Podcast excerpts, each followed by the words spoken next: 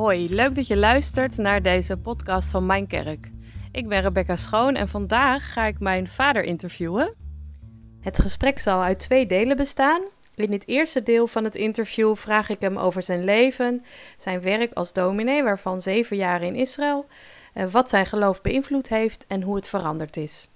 In het tweede deel, dat binnenkort wordt gepubliceerd, zal ik hem vragen over zijn biseksualiteit, zijn twee grote liefdes en hoe de kerk en hij zelf aankijken en keken tegen homoseksualiteit. En nou, ik heb er heel veel zin in. Het is niet iets wat we dagelijks doen hè, met elkaar. Dus, uh, dat is wel bijzonder. Ik ben heel erg benieuwd. Misschien kun je beginnen met gewoon iets over jezelf vertellen, kort. En over wat voor werk je hebt gedaan in het verleden.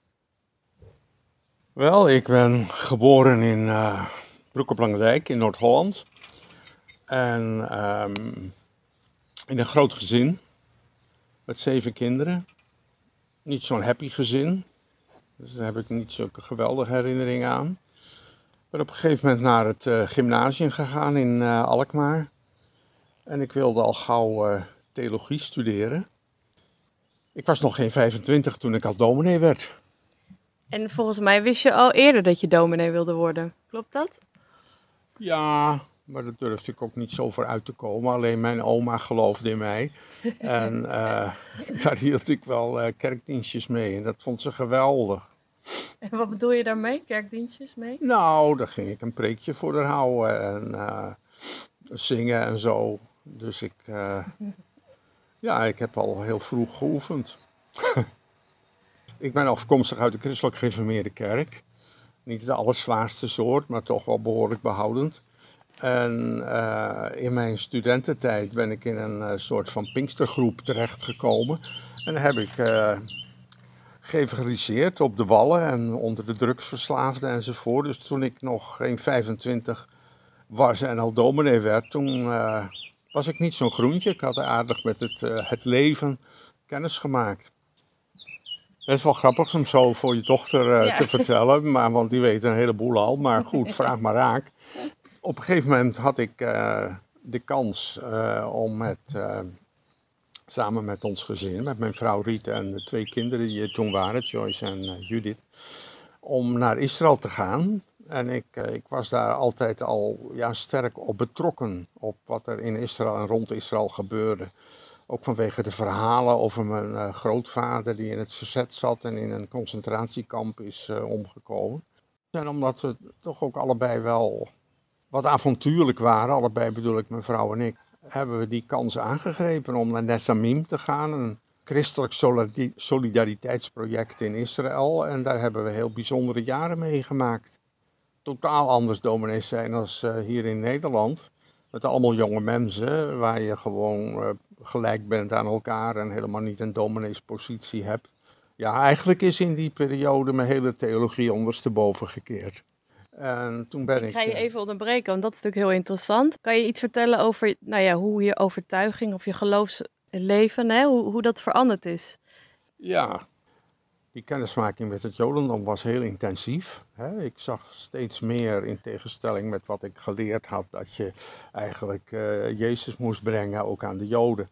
Uh, ontdekte ik dat de Joden hun eigen weg met God gingen en gaan eigenlijk, eigenlijk veel eerder dan wij christenen. Wij zijn er maar van buitenaf bijgekomen. Ja, ik heb, ik heb ook kennis gemaakt met de realiteit van, van Israël. Daar dacht ik nogal uh, rooskleurig over, laten we zeggen, wat, wat uh, romantiserend. En uh, ja, ik kwam wel met mijn beide benen op de grond te staan daar. Ik ontdekte ook dat er heel wat onrecht gebeurde naar de Palestijnen toe. Daar maakte ik al gauw mee kennis door de landonteigeningen in Galilea. En ik ben nieuwsgierig, dus ik ging naar die mensen toe. Ik knoopte overal gesprekken aan.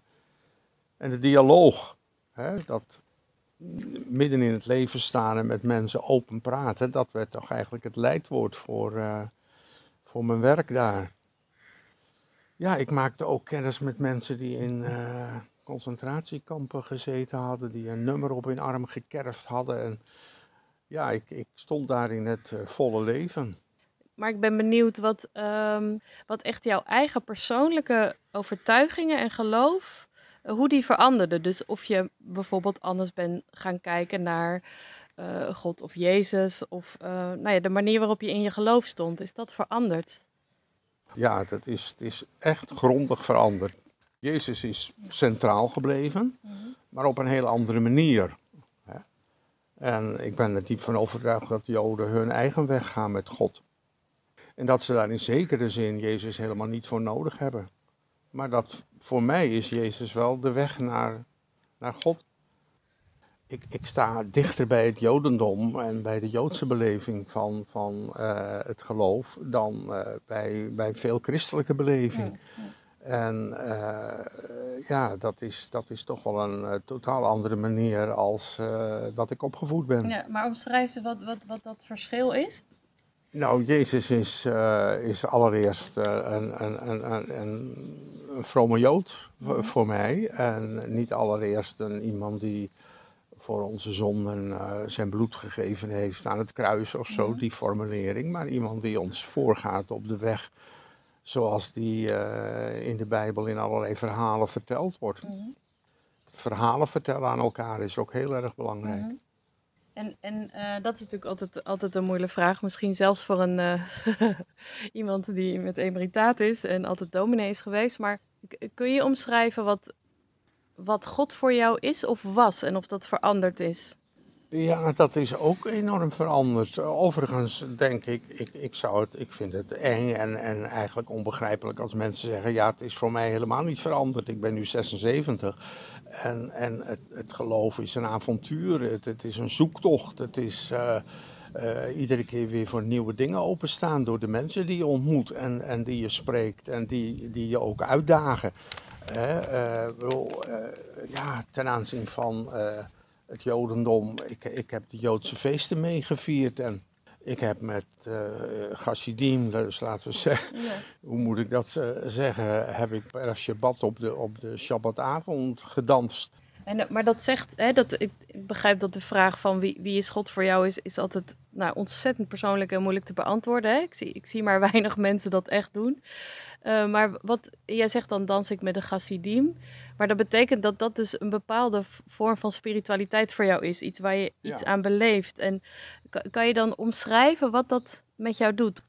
Ik, ik, vind dat moeilijk te zeggen, want kijk, ik, ik kan geen definitie geven hmm. over God. Hè? Uh, dat kan ik wel in verhalen en in belevenissen weergeven, maar uh, ik heb langzamerhand uh, in de loop van mijn leven een broertje doodgekregen aan dogmatiek, aan, aan ja. vaste formuleringen over ja. God. Ja. Ik weet al minder daarvan. Ik, ik kan dat niet, niet formuleren. God is, is um, liefde, daar ben ik wel heilig van overtuigd. En um, God is een mysterie. En er zijn mensen die, ja, die mij uh, op die weg zijn voorgegaan en die mij hebben laten zien wat, wat het betekent om in navolging van Jezus, van Christus, te leven. Dus dan gaat het, dan gaat het ook over het leven zelf, een, een, het, het voorbeeld van hoe te leven. Ja, dat, dat, dat, is, dat is voor mij alles. Dat, dat betekent alles. Niet dat ik dat er altijd zo goed af, afgebracht heb. Maar het gaat wel om dit leven. En in hoeverre er nog een, een, een, een, een verlengstuk is ooit, hè, dat, dat, dat blijft helemaal een mysterie. Hè. Want het gaat om, om dit leven, het gaat om hoe we met elkaar omgaan, het gaat om, om het goede leven met elkaar ontdekken.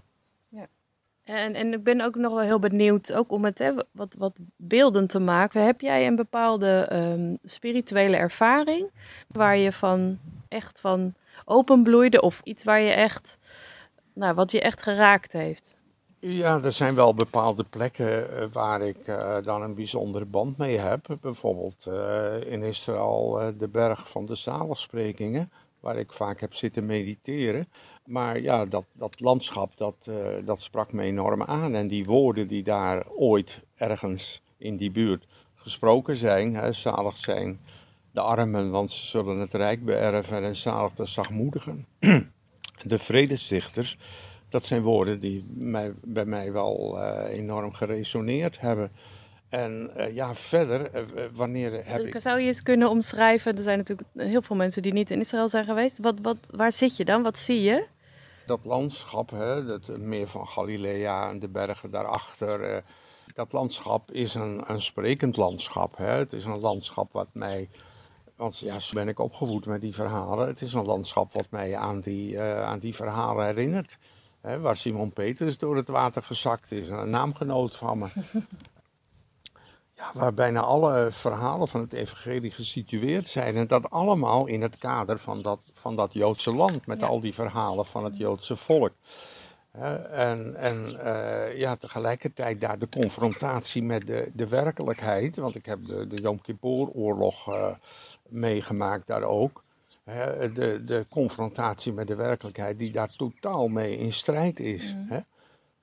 Maar ik, ik heb zelf voor mijn geloof, denk het meest toch wel uh, te danken gehad. En uh, ben ik geïnspireerd door mensen die, ja, die, die, die toch uh, een voorbeeld zijn. Hè? Mensen als Abt Jacob Willebrands, die ik daar heb leren kennen. En ja, mensen zo, zoals Václav Havel, de, de president van Tsjechoslowakije de verzetsman in de tijd van de communistische uh, overheersing. En ik heb jarenlang daar lezingen gegeven aan de ondergrondse uh, beweging in Praag. Dat zijn mensen, die van Havel en anderen, die een hele diepe indruk op mij gemaakt hebben. Mhm.